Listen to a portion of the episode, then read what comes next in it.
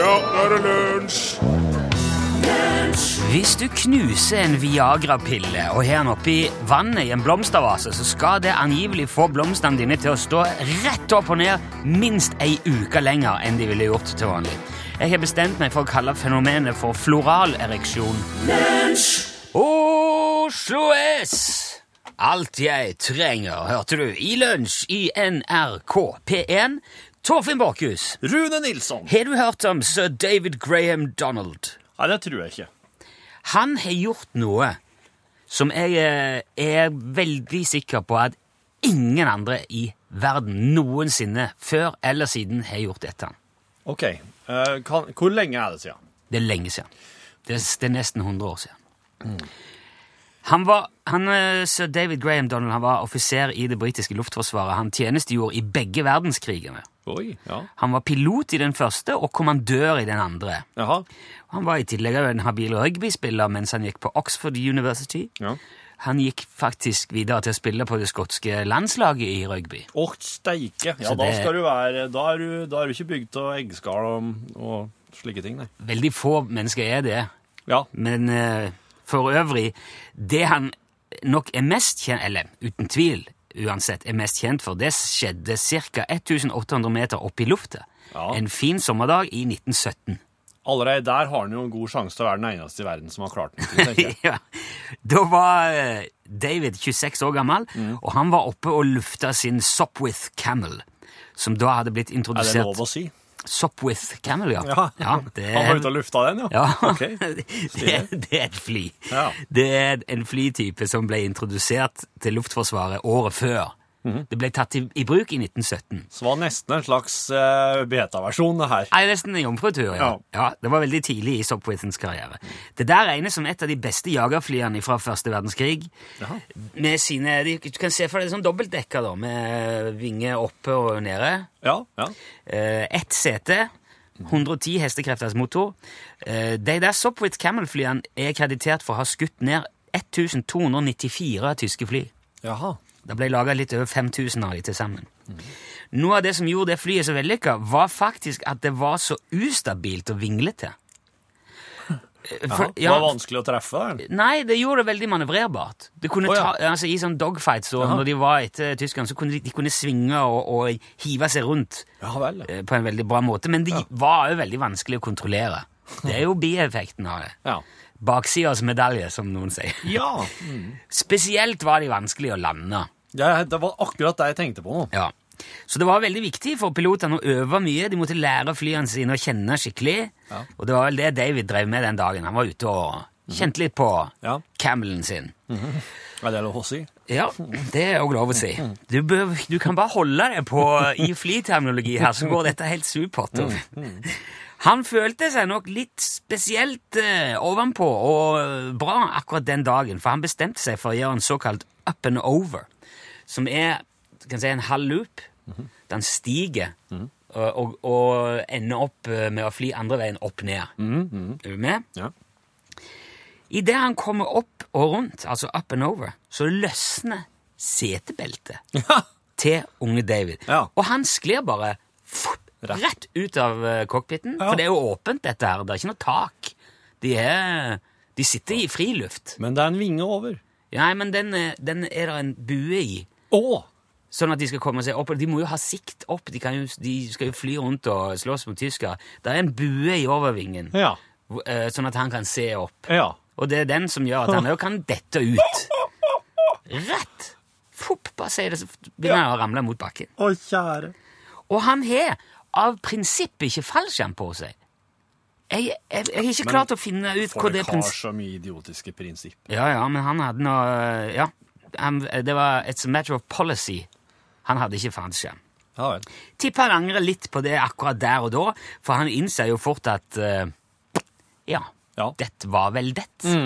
Og han sa seinere at eh, eh, han så terra firma, som de kaller fast jord på, på liksom luftfartsterminologien. Terra firma så veldig firm ut Ja, der han nærma seg. Og mens han da ser bakken komme stadig nærmere, Ja. så hører han plutselig et fly i nærheten. Jaha. og prøver eh, desperat å orientere seg. Hva er som, hva er det som foregår? Og så ser han plutselig sitt eget tomme fly komme mot han. Da har flyet bare fortsatt Ja. loopen Ja. uten han i en perfekt sirkel, og er nå på vei ned. Og de, eh, han ser at her, er vi, her kan vi møtes. Ja, ja. Så han klarer å lande pum, oppå toppen av den øverste vingen Ja. og gripe seg fast. Ja, ja. Blir hengende der klarer å lure en fot nedi, den andre foten nedi, kryper ned i setet sitt i cockpiten og klarer å få kontroll over flyet. Kommer seg tilbake til basen, hvor han eh, foretar det som i ettertid har blitt kalt en uvanlig vellykka landing. Gjør det etter sir David Graham Donald Torfinn.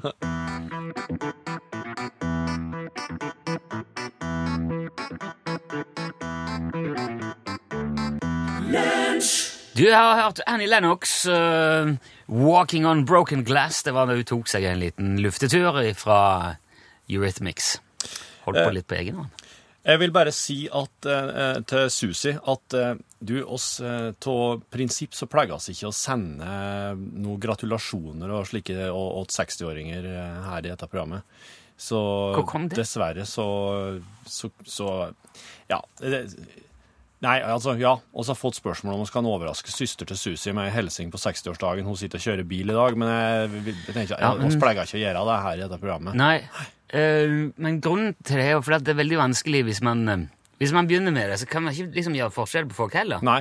Og før du vet ordet av det, så ender vi opp med en sånn øh, ønskekonsert, eller sånn hilseprogram. Ja, nettopp. Og vi har så mye annet vi gjerne vil Ja, ha med, ja, så det er, jeg er lei for det at vi ikke Beklager, Susi. Uh, uh, så hun som Det er mye å si om dette Ja. her, Torfinn, men eh, jeg skal ikke gjøre det. Okay. Men du, en ting som slo meg i går, Ja. når vi uh, satt og prata om eh, Altså, du prata om den derre Send Me To Heaven-appen for Ja. telefon. Som at du kan hive, han måler hvor høyt du klarer å hive telefonen din. Ja, og der, eh, når du begynte å prate om det, så var jeg ikke helt sikker på hva det var slags eh, eh, slags funksjon i Nei. mobilen som gjorde at du kunne gjøre det der. Men etter hvert som vi begynte å prate, så tikka det inn tekstmeldinger. Jeg spurte jo om Mm. folk eh, visste det, og da kom det jo gyroskop og akselerometer. Ja, det er jo begge deler, visstnok, i de Ja, eh, Jeg ja. trodde akselerometer var noe sånn kjempefancy som de bare hadde i romferjene, men det er det ikke. Det er det i alle Alle smarttelefoner har visst akselerometer,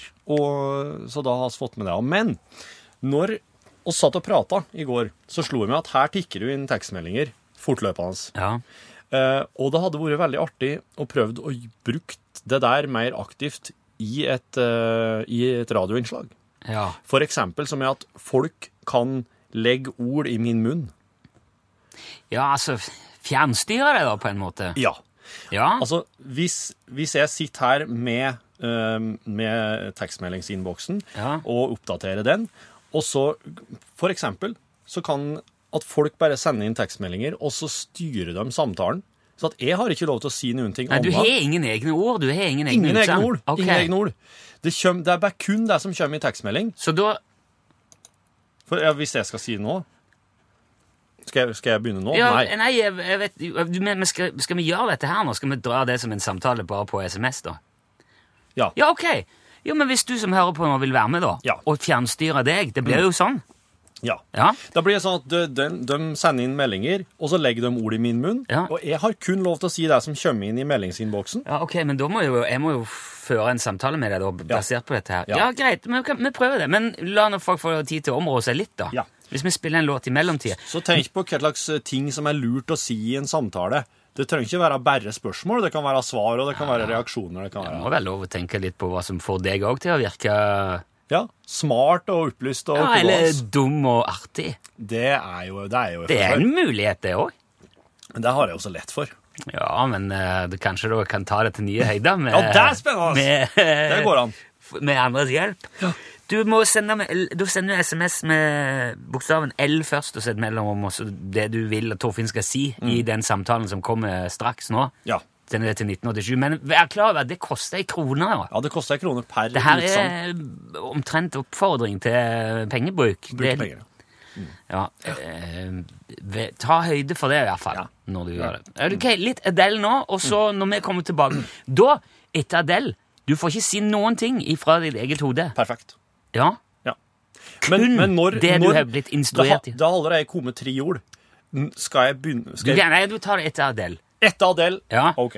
Så, så alt det som skjer mellom Adele og Michael Bublé, Ja. det er ikke dine ord. Greit. Ingenting. Greit. Du er ikke lov til å supplere, utfylle, forklare. Ingenting. Det har kommet så mange bra Ok? allerede.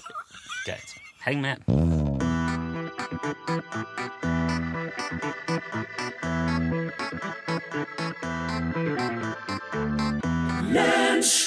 Du hørte Adele framføre sin Send My Love, i parentes To Your New Lover. Høgmo fikk litt for liten fallskjerm. Ja, der eh, er det litt eh, uenighet. Jeg synes, Det er jo ikke fallskjerm, det er jo etterlønn. Han skulle få, han skulle få betalt hele neste år etter å ha slutta. Slutta sin egen jobb. Ta deg. Ja, det, Bilen landa på taket, gitt. Ja vel. Stress deg opp. Sk hvorfor skal jeg stresse meg opp? Flystasjon. flystasjon. Ja, jeg eh, tenker jo på han der med, med Camel nå. Syns du jeg hadde vært ei vakker kvinne? Nei, det hadde du ikke. Det, det, nei, det tror jeg ikke du hadde vært på noe som helst vis. Jeg tror du hadde vært en av de der som man eh, ikke legger så mye merke til. Jeg skal hekle en, Du er fin på innsiden. Jeg skal hekle en løper til mor mi til jul. Ok. Jeg trodde mor di var død. Men eh, det er noe fint med det likevel. Nei, det vil jeg ikke, nei. Nei. Så grisen har ikke kalva ennå? Kan griser kalve i det hele tatt? Jeg trodde det var at de, at kunne gisse. At det er giss, giss, giss. Du skulle hatt skjegg, du. Jeg- Det, det syns jeg er litt dårlig. Du vet at jeg ikke jeg har ikke anledning til det. Du aner ikke hvor vakker du er. Ja, I går Nei, så spilte jeg Battlefield 1, og det rocka helt vilt Baluba Chris. Du sa nettopp at du ikke hadde noe eh, spill å spille. Nei, drit og dra. Det kan jo være et bitte lite hull i det store hullet. Ja, det, er litt- det kan det sikkert være. Det er litt Hei. Jeg må ha en app jeg ikke veit om. Send meg i asfalten. Har mista den i bakken en del ganger. Den har overlevd. Hilsen Vera. Send, send meg i bakken. S- eh, jeg er så på linje med den der eh, Send me to heaven. Send meg i bakken. Nei, vet du hva, er du helt på trynet? Nei. Det avhenger jo av den relative endringa i bruttonasjonalproduktet i den aktuelle perioden. Det, men det gjør alt. Alt vil gjøre det. Jeg burde stusse skjegget. Ja, det har jeg sagt det flere ganger. Men du uh, hører ikke på meg. Og nå hadde det vært godt med en kopp kaffe, ja. Ja, jeg er tom, jeg òg. Dette her er en, eh, dette er en veldig absurd måte å lage radio på. Og jammen har oss et langstrakt lag der været spenner fra nesten sommervær til full vinter. Tenk på det, folkens. Langstrakt lag. Ja vel. Jon fra Aksdal er utnevnt til æreslytter til Lunsj. Å ja. Lunsj er et meget bra program. Ja, det, det syns jeg er hyggelig at du syns. Det er, litt, det er veldig ubeskjedent. Fikk den i går. Ja vel. Tralle. Ok. Det var veldig bra at LSK ikke rykka ned. Da ville jeg i tilfelle blitt veldig lei meg. Trodde ikke du brydde deg om det der i det hele tatt. Jeg. Hvordan har du det, gamle ørn? Jo, eh, jeg må si eh, Det er litt Som sagt, det føles litt sånn rart akkurat nå, i dag. Litt springende. Veldig rotete, på en måte. Jeg føler kanskje at vi burde tenke på å runde av. At jeg aldri greier å la være å tenke på Teigen og null poeng i Grand Prix. Irriterende. Good vibes all the way. Han er så grønn. Men det går den veien høna sparker. Ja, det gjør det. Nå er jeg inne i en god periode. Ja. Sveitsiske. Jeg er på tur ut for å kjøpe bil. Ja vel. Tårnfalk. Sånn er livet, altså. Rare greier. Tårnfalk, altså. En bil.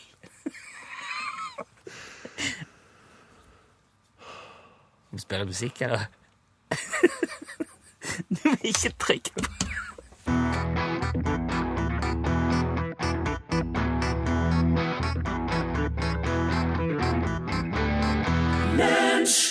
Nobody But Me, Michael Bublé. Det var en eh, selsom samtale der i stad, altså. Ja, det var det. Det var interessant. Ja, jeg digga det. Vi må kanskje mm, se litt på om det fins måter å gjøre det der på. Kanskje vi skal bruke Enda flere måter, tenker jeg. Vi kan ta restene og bruke til å lage et eh, samtidsdrama i morgen. Ja, kanskje det. Du, eh, apropos i morgen. I går fikk jeg eh, pakke i posten fra USA.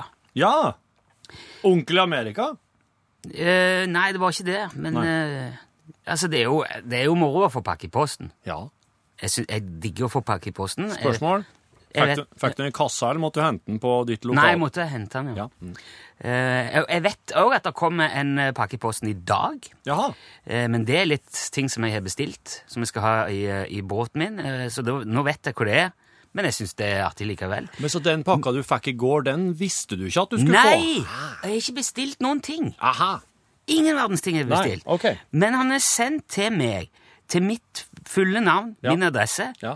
Jeg, jeg hadde ikke anelse om hvor det var, hvem som hadde sendt det. Nei. De hadde skanna adresselappen, liksom kopiert den, og så sendt den på en sånn hentelapp. Ja. Men jeg klarte ikke å lese, det var liksom bøyd, og jeg klarte ikke å se hvem som var avsender, hvor det var. Så det begynner jo å bli litt, begynner å stusse litt. ja. Hvem er det som driver sender ting fra USA til meg? Nei. Er det kanskje det er brevbomba fra en eller annen sint amerikaner som har Ja. fått høre at jeg kalte Trump for ei bølle her om dagen? ja, ja. Mm. Jeg tror jo ikke det, men eh, når du får bare Her kommer det noe fra USA. Ja. ja å, ja vel. Ja. Litt mistenkelige. Ikke mistenkelige, mistenksomme. Men jeg fant ut at jeg må jo gå og hente denne tingen. Ja. Det er sendt rekommandert, alt er betalt. Det er bare å gå og hente, vise fram eh, legitimasjon så og skrive under. Ja. Så jeg gjorde det. Fikk en liten konvolutt med ei eske oppi. Jeg vil anslå kanskje på ja, li, litt større enn en sånn mobiltelefoneske. ja. Kjent, kunne jeg kjenne at det var inni der. Så jeg tar meg hjem, legger den på kjøkkenbenken, studerer adresselappen, blir ikke noe klokere av det heller, så jeg må jo bare åpne den. Og inni der finner jeg en USB Walkman. Jaha. Ja, en liten kassettspiller som jeg kan koble til PC-en og lage MP3-filer av kassetter. Det er jo OK. Skjønner du hva jeg mener? Det er en Ja, Walkman, bare med USB-port Du kan gjøre de gamle kassettene dine om til MP3. til digital ja. lyd. Jaha.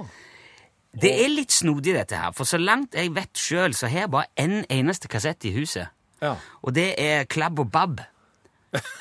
Ja, okay. ja, du husker barne-TV-serien med Sverre Kar Usdal og Øyvind Blunk? Ja, jeg har Ja. Mm, jeg Ti, tidlig 80-tallet, dette her.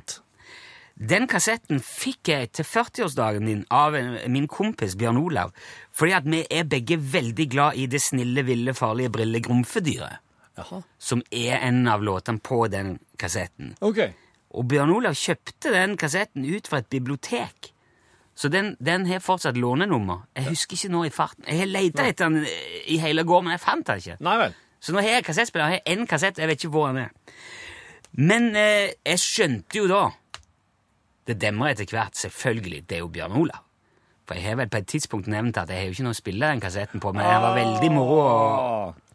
Så nå er jeg altså i stand til å digitalisere kassetter med hjelp av min gode venn Bjørn Olav. Og når jeg er hjemme i Egersund i julen da skal jeg krype opp på loftet, for der har jeg en ganske stor samling, vet jeg. Ja. Hjemme hos foreldrene mine. Men i mellomtida så må jeg altså klare meg med den ene kassetten som jeg har, og det er Klabb og Babb, og den aldeles fantastiske, det snille, ville, farlige brille Grumfedyret.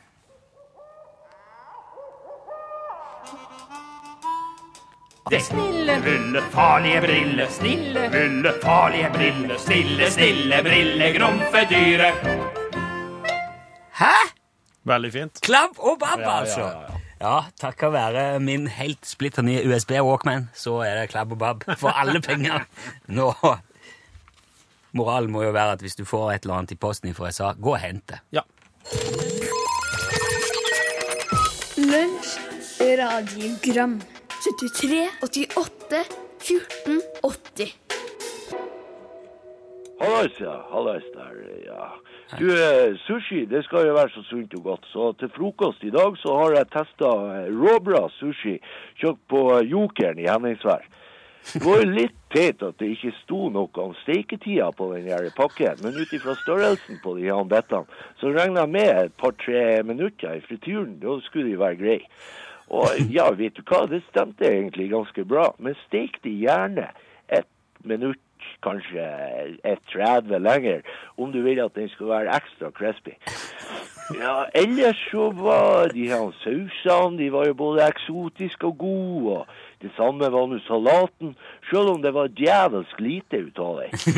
De der eh, grillstikkerne, spydene der, de, ble, eh, de, de, eh, de brukte jeg ikke, fordi at de var så djevelsk tjukke. Men eh, alt i alt, terningkast fem. Ja, ja, det var nå egentlig bare det. Sushi, altså. der. Hei. Hei, hei. Hei, hei.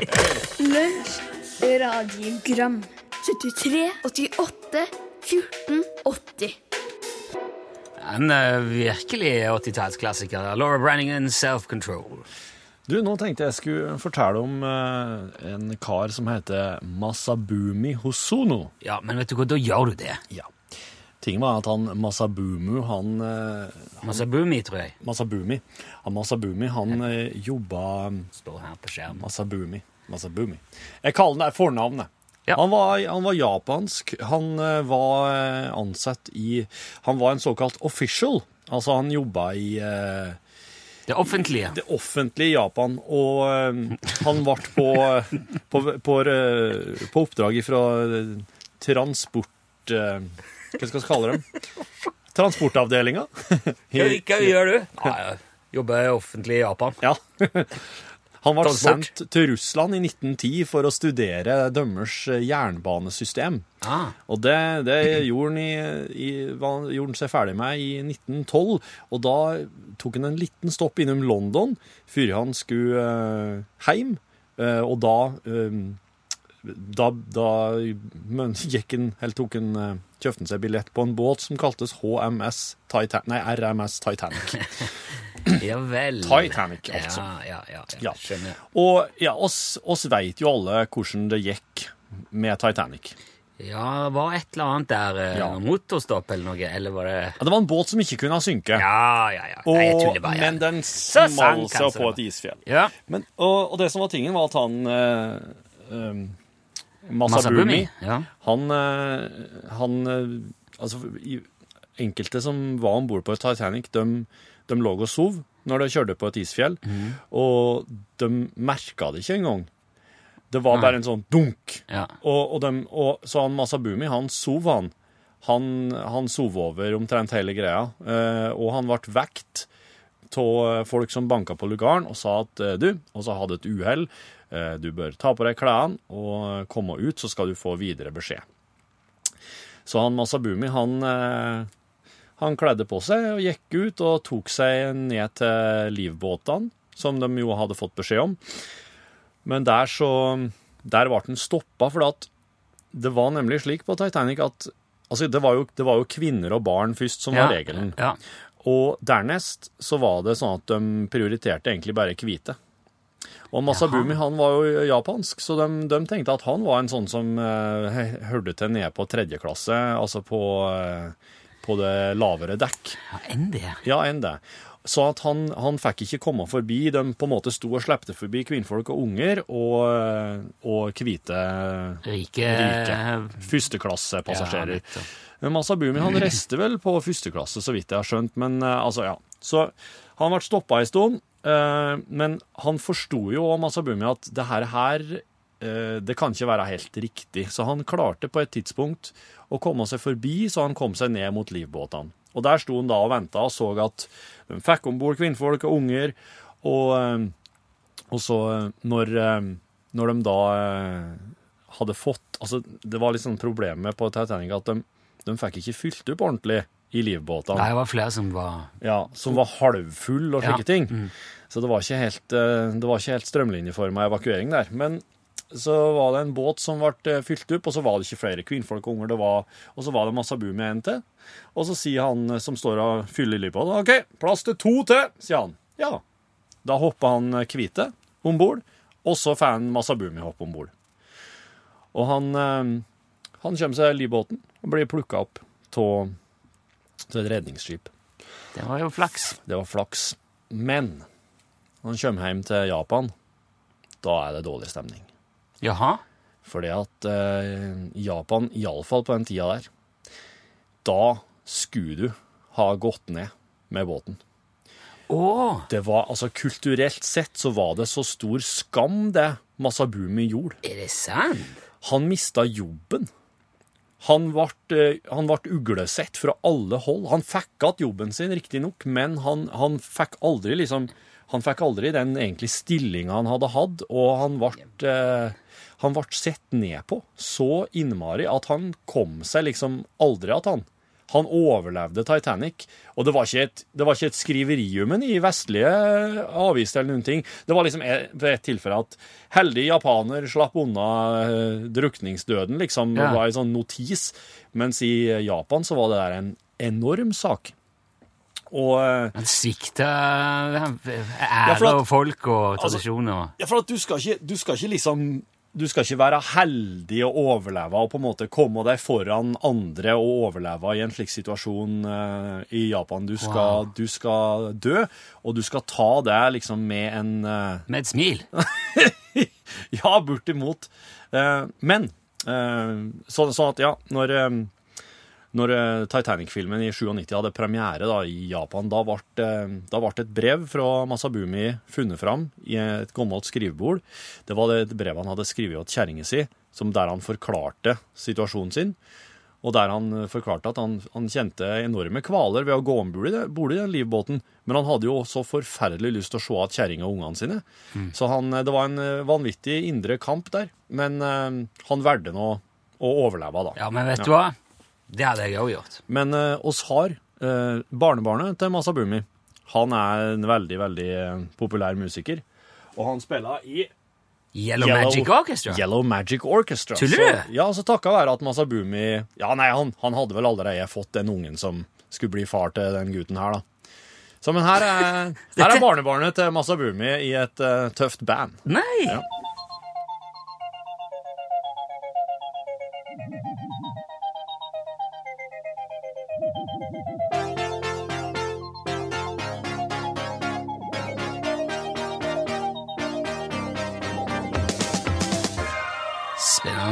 Var Yellow Magic Orchestra Behind the Mask med Ja. barnebarnet Til Masabumi Hosono. Ja, ikke verst. Eh, før uh, norgesklasse kom inn her, husker du da Eyjafjallajökull brøt ut og folk ble sittende askefast? Yes. Da var det jo veldig mye sure flypassasjerer rundt i verden. Ja. Uh, Men en av grunnene til at flyene ikke fikk ta av, det har Torstein sendt en e-post om. Det er en liten flyhistorie til, vi rekker det før. Jaha. Det er noe som skjedde i 1982, for da var British Airways rute 9 på vei fra London til Perth i Australia. Eh, En Boeing 747, såkalt jumbojet, Ja. de med litt, en liten andre etasje og Ja. Ja. mhm. klassiske jumbojetten. 263 passasjerer om bord. Mellom landet i Bombay og Kuala Lumpur der skifta de jo mannskap, og så fortsatte de på siste etappe mot Perth. ja. En halvtimes flyging eh, ut i, eh, fra eh, Kuala Lumpur, så er de i 11 000 meters høyde, 795 km i timen. Da ser de et sånt flimrende lys utfor flyet, og alle de fire motorene begynner å ettertenne. De, de får ikke luft. ja mhm. Og da kommer fire-fem meter lange flammer ut av dem, og etter hvert så stopper alle fire motorer. ja. En 747 uten motorkraft kan gli 15 km bortover for hver kilometer han faller. Skjønner du? Men det er likevel veldig upraktisk, så de prøver jo selvfølgelig febrilsk å starte motoren igjen. Ja. Men for at en sånn Rolls-Royce flymotor skal kunne jeg si, jumpstarte eller rennes i gang, ja. så må flyet holde en hastighet mellom 460 og 500 km i timen. Og Ja. hastighetsmålerne i cockpiten viser helt forskjellige fart. Å. Det er flere som viser forskjellige ting, så det er veldig vanskelig å finne ut dette her. Og på toppen så begynner de å miste kabintrykk, fordi det er motoren som holder oppe trykket og, og, og ja, balansen. De er på 11 Oi, 000 oi, oi. meter, så der er det veldig lite å puste i. Og surstoffmaskene har falt ned bak i kabinen, men de virker ikke, så nå må de ned. Kjære. Og de må ned eh, fort. Ja. Jeg holder på å fortelle Pål, du får bare vente bitte litt. Ja. Så de stuper omtrent 7000 meter, ja, for å få opp farten, ja. ja, Ja. og for å få luft. Ja, ja. Og der starter motorene igjen, Ja. på mirakuløst eh, vis. Ja.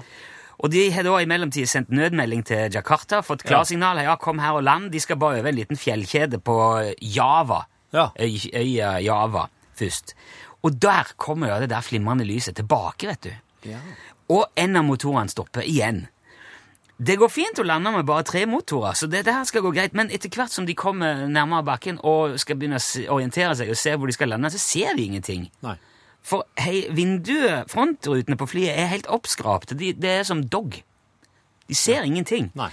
Så de, eh, og på Halim-flyplassen i Jakarta så har de sånne ILS-system som gjør at de skal kunne lande i blinde, Ja. omtrent. Men det virker ikke den dagen. Så kapteinen sitter og ser ut ei liten stripe på sida av vinduet på ca. 5 cm. Ja. Og med kopilotens hjelp så klarer de da å lande trygt på Jakarta. Wow. Etterpå finner de ut at de har flydd rett gjennom et sånn vulkanutbrudd fra vulkanen Galungong Ja. På Java i Indonesia der. Men det viste ikke på noe radar verken i flyet eller på bakken. De så det ikke liksom Nei. De så ikke aska? Eller? Så det var stein og grus og aske fra vulkanen som laga det der lyset, kvalte motoren. Ja. Så stupte de ut av askeskyen, da kjølna det, og det Ja. slagget løsna. Ja. Fikk de start igjen. Og så fløy de bare rett inn i det igjen da, over, når de kom over Java, der vulkanen ligger. Ja. Men eh, det gikk altså bra, og da de fikk se flyet i dagslys, så var det det var sandblåst. ja. Det var praktisk talt sandblåst. Og etter det så ble alle, både mannskap og passasjerene i det flyet, innlemma i eh, Galungong glideflyklubb. det skjedde helt Et automatisk. greit lite medlemshopp der. Ja. Så neste gang du blir stående askefatt, skal du bare tenke på alternativer og slå deg helt til ro. Ja. Det vil nok skje igjen, tror du ikke på? Jo, absolutt. Jeg husker jo den askeski, askefastproblematikken Ja, ja. på Island. Det skapte jo litt nyhetshistorier. Og det gjør også den her såkalte rotteinvasjonen i Oslo. Jeg vet ikke om dere hørte om det på nyhetene i dag? Ja, ja, ja. Ja, kjør den, da. Nei, altså eh, Er det folk som driver mater Nei, altså, det kan du jo si, da. Ja. Men det har vært problemer med søppelhentinga i Oslo. Oh, ja. Så det har blitt stående mye søppel ute. Ja. I tillegg så har det regna mye, slik at eh, Ja. når vannet stiger ned i kloakken, så tar rottene en tur ut på land, holdt jeg på å si. Ja, ja, ja. Opp over jordoverflata. Men jeg har jobba med morgensendinger i Oslo sentrum og gått igjennom altså over Jernbanetorget når klokka har vært sånn halv fem, fem-tida kanskje. Det er primetime for Ja, det er ikke Det er en del. Ja. Eh, Selv i fredstid, hadde jeg mest sagt. Selv om det ikke er søppelproblematikk. Men tror du det er mer rotter i Oslo enn det er folk? Ja, det skulle ikke forundre meg.